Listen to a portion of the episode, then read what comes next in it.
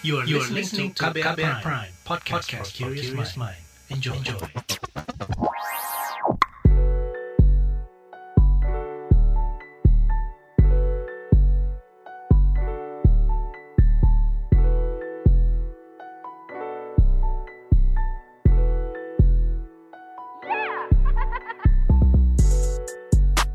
KBR Pagi, siaran pagi radio paling update. Selamat pagi, selamat hari Jumat. Ketemu lagi dengan saya Don Brady di What's Trending KBR Pagi pastinya di hari Jumat 29 Oktober 2021. Jadi sejak 14 Oktober lalu pemerintah masih menyempurnakan sejumlah regulasi dan integrasi data terkait pembukaan wisatawan mancanegara ke Bali dan Kepulauan Riau yang telah berlangsung. Menteri Pariwisata dan Ekonomi Kreatif Sandiaga Uno menyebut akan mengevaluasi pembukaan pariwisata di Bali setiap minggunya.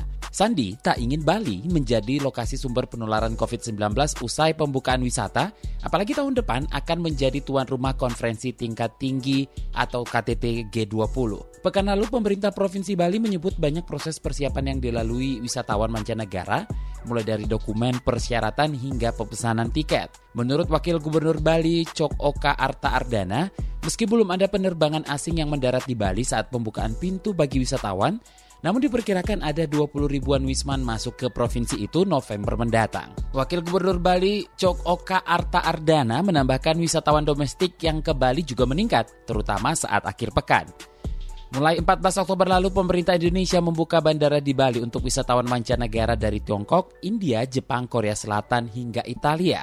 Sementara Ketua Komunitas di bidang pariwisata Generasi Pesona Indonesia atau GENPI, Siti Hodijah, menyebut banyak negara yang memang belum mengizinkan warga negaranya masuk ke Indonesia. Ia menyarankan pemerintah mengoptimalkan wisatawan domestik sambil berusaha membangun kepercayaan wisatawan mancanegara dan membuktikan Indonesia siap dikunjungi.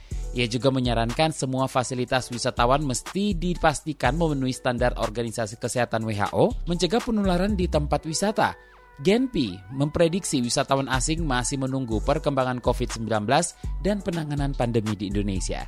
Nah, kita bakal bahas lebih lanjut soal ini, tapi kita simak dulu opini netizen plus 62 berikut ini.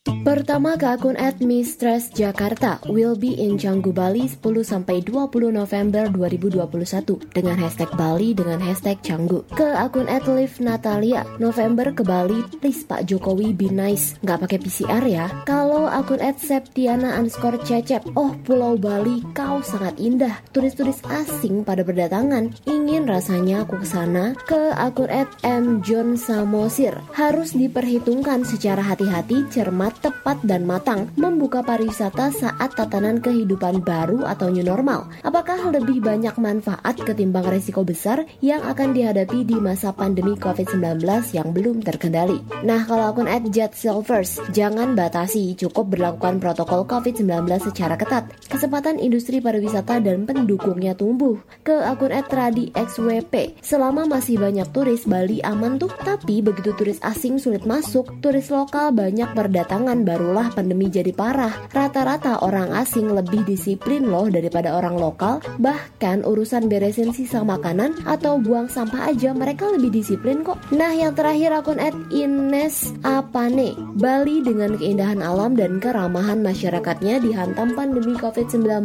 Pesona salah satu pusat pariwisata di bumi ini seolah sirna diterjang pandemi. Namun masih ada asa dan optimisme pada insan yang berani berinovasi. What's Trending KBR Pagi masih di What's Trending KBR Pagi bersama saya Don Brady, puluhan ribu wisman diperkirakan serbu Bali November. Itu yang kita obrolin pagi ini, jadi Wakil Gubernur Bali Cok Oka Arta Ardana menjelaskan SOP kedatangan turis mancanegara yang ingin menghabiskan waktu berlibur di Bali. Kita simak berikut ini Wakil Gubernur Bali Cok Oka Arta Ardana dikutip dari kanal YouTube IDX Channel.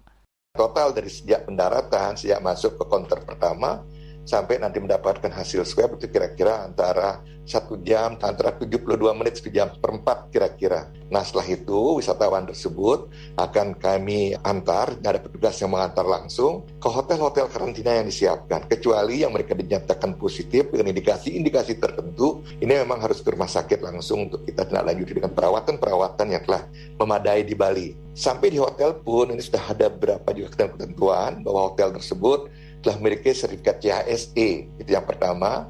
Yang kedua, bahwa hotel tersebut ini ada dua kemungkinan. Ada hotel yang khusus menerima wisatawan karantina saja, tapi hotel-hotel yang memenuhi syarat antara lain yang punya aksesibilitas yang berbeda. Di Bali hotelnya cukup luas, halamannya luas, bahkan buildingnya pun dibagi berapa blok building. Nah, andai kata accessibility ke masing-masing building ini terpisah sehingga memungkinkan yang dikarantina dia tidak bertemu dalam satu jalur dengan yang regular, ini satu hotel masih diberikan kebijakan untuk menerima tamu karantina dan tamu reguler. Yang ketiga adalah semua hotel karantina ini wajib sudah ada MOU kerjasama dengan rumah sakit-rumah sakit terdekat.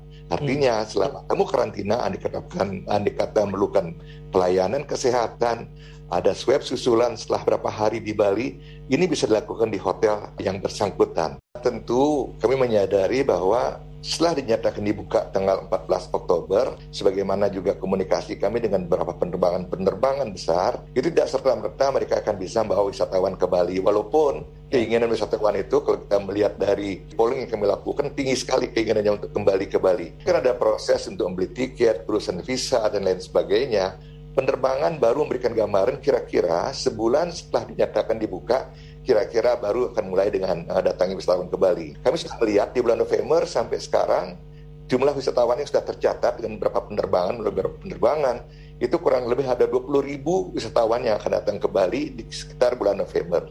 Sementara Ketua Komunitas di bidang pariwisata Generasi Pesona Indonesia atau GENPI Siti Hodijah menyarankan adanya informasi yang jelas bagi para wisatawan ini. Kata dia harus ada statement, sosialisasi, dan publikasi yang masif terkait kesiapan Indonesia menerima wisatawan mancanegara. Ini dia penuturannya. Memastikan bahwa informasinya clear. Nah, misalkan adalah syarat, lalu ketentuan masuk ke Indonesia itu apa saja, uh, dan uh, misalkan di mana saja uh, mereka bisa melakukan karantina, lalu juga PCR-nya berapa lama. Jadi clearnya informasi ke calon wisatawan ini menjadi sangat penting.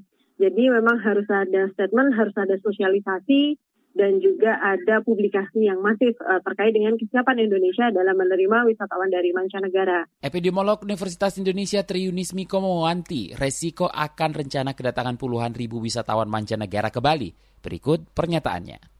Ya, artinya karantina dari 8 hari dicuitkan di 5 hari. Kita tuh ngambil risiko begitu. Jadi emang harus begitu. Kalau mau kita ekonominya hidup, kemudian ya risiko itu kita ambil, harus ambil. Kalau dari Australia risikonya lebih kecil. Kemudian karena Australia sudah kasusnya sudah sedikit. Kemudian kalau dari Malaysia risikonya akan besar. Apakah tidak mungkin orang Malaysia ke ke Bali? Mungkin dia akan lewat Australia begitu dia akalin begitu. Jadi hati-hati mau dia membuka pariwisata yaitu harus clear. Bukan hanya penumpang, warga negaranya juga ditentukan warga negara mana yang boleh begitu juga jangan hanya penumpang penumpang. Karena penumpang dia bisa menumpang begitu. Bahwa penularannya akan ada di situ. Masa karantina sebaiknya melewati masa inkubasi. Berarti ada penumpang-penumpang yang masih dalam inkubasi masuk ke Indonesia begitu. Kalau negara yang memang kemudian membukanya kepada negara yang aman begitu. Satu itu cara mengurangi risiko. What's trending KBR pagi? Newsbeat Universitas Cambridge di Inggris dan Quai Bienli di Paris, Prancis sepakat akan mengembalikan sejumlah artefak ke negara asalnya. Langkah ini diambil sebagai contoh mendorong lembaga atau museum lain di dunia untuk mengembalikan artefak budaya hasil curian ke negara aslinya. Universitas Cambridge akan memulangkan patung ayam jago ke Nigeria, di mana patung itu diambil tentara Inggris tahun 1897. Sedangkan Museum Quai Benley akan mengembalikan 26 artefak ke Republik Benin. Melansir Reuters, sejarawan bidang seni di Prancis pun memperkirakan 90% artefak atau benda warisan budaya asal Afrika berada di Eropa. Pasca pernikahan Putri Mako dengan warga biasa Keiko Muro, ancaman krisis penerus kekaisaran Jepang muncul. Hal ini disebabkan masih kuatnya tradisi yang dipegang kekaisaran, di mana anggota kerajaan yang menikah dengan masyarakat awam diharuskan meninggalkan kerajaan. Melansir di Japan Times, saat ini hanya ada 17 anggota di kerajaan Jepang dan hanya tiga orang yang berpotensi meneruskan tahta kerajaan. Sebelumnya, Jepang dihebohkan dengan pemberitaan pernikahan Putri Mako dengan orang biasa dan meninggalkan monarki. Akibat keputusan pertunangannya, Mako tidak mendapatkan 152,5 juta yen atau sekitar 18 miliar rupiah. Mako disebut-sebut mengorbankan kenyamanan, keamanan, dan keistimewaan yang ada di hidupnya selama ini. Pada Juli 2022, penyanyi solo Adele berencana menggelar konser langsung di London, Inggris. Konser akan dihelat di Hyde Park, London selama dua hari pada 1 hingga 2 Juli 2022. Kabar ini disebarkan penyanyi dan penulis lagu berkebangsaan Inggris ini lewat Instagram. Laman pembelian tiket konser pun sempat sulit diakses sebab tingginya antusiasme penggemar akan konser sang penyanyi. Sebelumnya, Adele merilis single Easy On Me dan menjadi trending di kalangan warganet.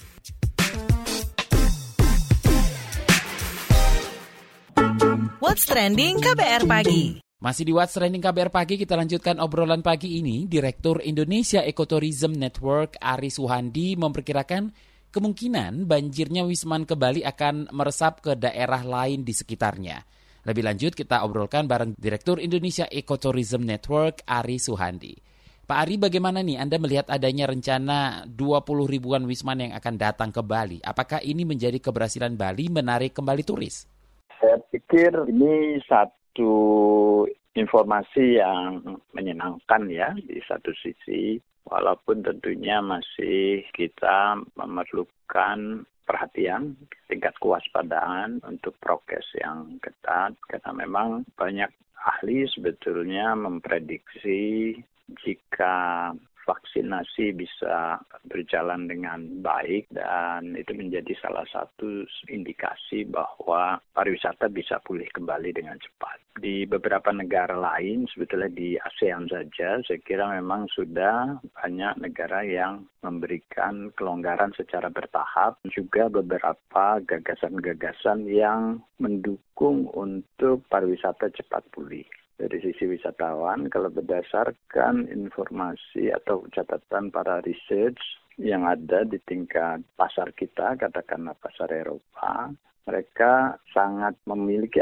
animo yang tinggi, namun di sisi lain mereka juga sangat memperhatikan fasilitas kesehatan di tingkat destinasi. Jadi itu yang nanti kita perlu perhatikan dan saya pikir kalau Bali itu sudah memang dipersiapkan ya, dengan baik oleh kita, Bali dan Bintan dari baik dari Kemenparekraf untuk CHSE-nya, untuk standar eh, cleanliness, safety, dan juga kesehatannya itu saya kira sudah dijalankan dan di, dipersiapkan dengan baik. Mudah-mudahan ini menjadi satu, kalau menurut saya sih ini menjadi satu berita yang baik, tetapi tetap para pelaku diharapkan untuk beradaptasi melakukan prokes yang baik karena memang bagaimanapun kita harus akui bahwa pandemi masih ada walaupun levelnya turun sehingga itu memerlukan satu ekstra hati-hati dari pelaku wisata yang akan menerima mereka termasuk kepada aparat-aparat yang memang bertugas di, di bandara. Saat ini Anda lihat sudah mumpunikah pengawasan termasuk 3T dan implementasi prokes bagi turis asing? Ya, memang ini semua kan sangat bergantung dari masing-masing eh, daerah ya. Dan saya lihat sebenarnya antusiasme dari para asosiasi dan juga yang bergerak di bidang pariwisata itu sangat antusias untuk mereka ikut serta di dalam menjaga prokes. Idealnya dan kalau di Bali kan sebenarnya juga bisa bahkan melibatkan di level desa, di daya tarik yang paling rendah bisa melibatkan juga pecalang. Walaupun secara struktural kan kita ada satgas COVID di masing-masing wilayah bahkan tingkat desa sampai tingkat desa ya. Dan saya pikir itu yang nanti perlu di tetap digerakkan sebagai bagian yang khusus. Kalau memang di kawasan-kawasan yang sifatnya umum memang jauh lebih baik pengelola destinasi itu juga membentuk satgas khusus untuk monitoring COVID. Jadi mereka yang memberikan teguran secara persuasif, bukan teguran ya, jadi menyapa secara persuasif untuk teman-teman yang berkerumun, menjaga, tidak menjaga prokes itu dilakukan. Memang perlu adaptasi dan ekstra kerjaan. Nah, bagaimana Anda melihat tingkat kepercayaan wisatawan asing atau mancanegara terhadap penanganan pandemi yang mempengaruhi angka kunjungan? Kalau kebetulan saya di juga bergerak di tingkat Asia ya untuk jejaring untuk tingkat Asia. Dan sebetulnya pandangan dari para pelaku di tingkat regional saya sangat mengapresiasi effort pemerintah dan penurunan yang faktanya. Memang waktu untuk kasus Delta itu sangat mengkhawatirkan ya, tetapi saya kira itu sudah dijawab dengan kerja keras pemerintah dan saya pikir ini memang kalau tanggapan dari para pelaku di luar melihat bahwa effort kita belakangan sangat baik sekali dan itu saya kira diakui oleh banyak pihak juga di tingkat regional minimal yang saya ketahui. Oke, akankah memberi pengaruh positif bagi pariwisata sekitar Bali?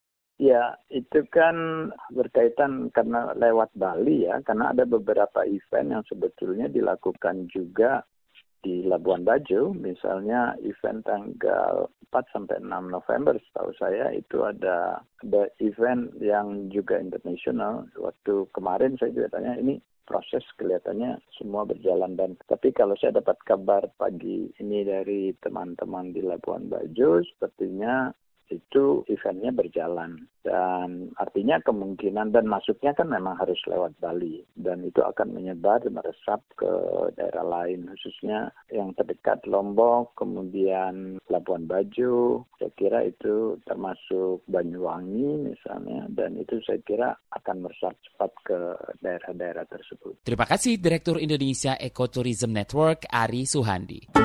What's trending KBR pagi? Commercial break. Commercial break.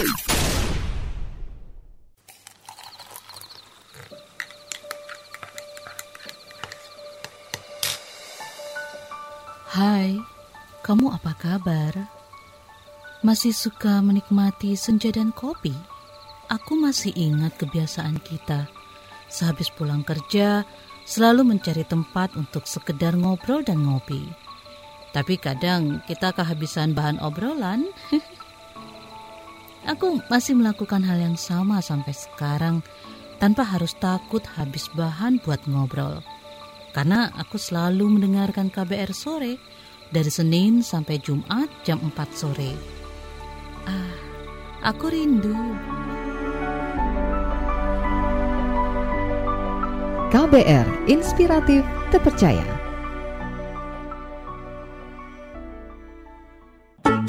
What's Trending KBR Pagi.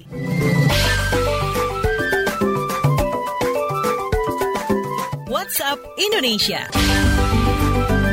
WhatsApp Indonesia dimulai dari Sumatera Utara. Ombudsman Sumatera Utara mengkritisi perbedaan penerapan syarat penerbangan dengan PCR. Mengutip CNN, Kepala Ombudsman Perwakilan Sumut Apiadi Siregar mengungkap adanya inkonsistensi penerapan testing saat penerbangan, di mana kru pesawat hanya menggunakan tes antigen, sedangkan penumpang pesawat diharuskan melakukan tes swab PCR. Apiadi Siregar mengkritik inkonsistensi kebijakan syarat penerbangan di kala pandemi COVID-19 ini, sebab perbedaan harga yang cukup jauh antar kedua tes tersebut. Apiadi menegaskan, jika persyaratan tes PCR diterapkan untuk mencegah penularan COVID-19, seharusnya ada kesamaan penerapan tes antara kru dan penumpang pesawat, sebab virus COVID-19 tidak hanya menular dari penumpang, namun bisa dari kru terhadap penumpang. Temuan ini didapatkan saat perwakilan Ombudsman Sumatera Utara melakukan sidak ke Bandara Kuala Namu, Deli Serdang. Selanjutnya menuju Jakarta. Pemerintah resmi menurunkan tarif batas atas tes PCR menjadi Rp275.000 untuk wilayah Jawa Bali. Sebelumnya, tarif tes PCR Jawa Bali sebesar Rp495.000.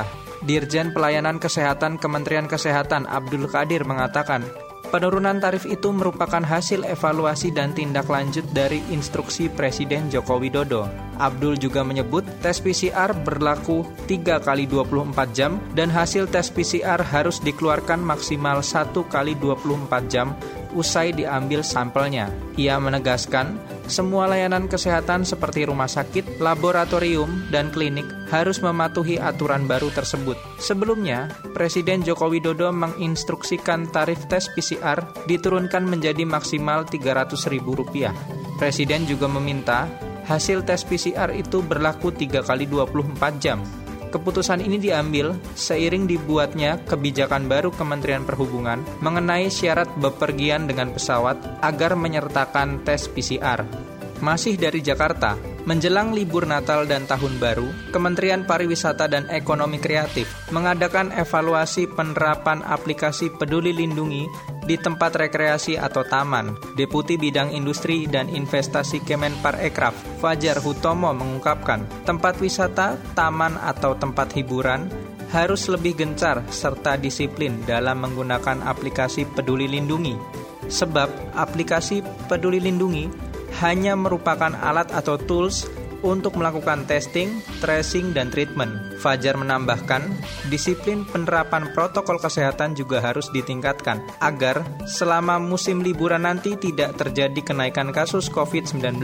Ia meminta semua pihak untuk menjaga kondisi penurunan kasus yang ada saat ini. Ke depannya, implementasi pelaksanaan penerapan protokol kesehatan dan penggunaan QR Code peduli lindungi perlu dilakukan kontrol atau pengawasan untuk mengukur komitmen dari para pelaku usaha dalam pelaksanaannya.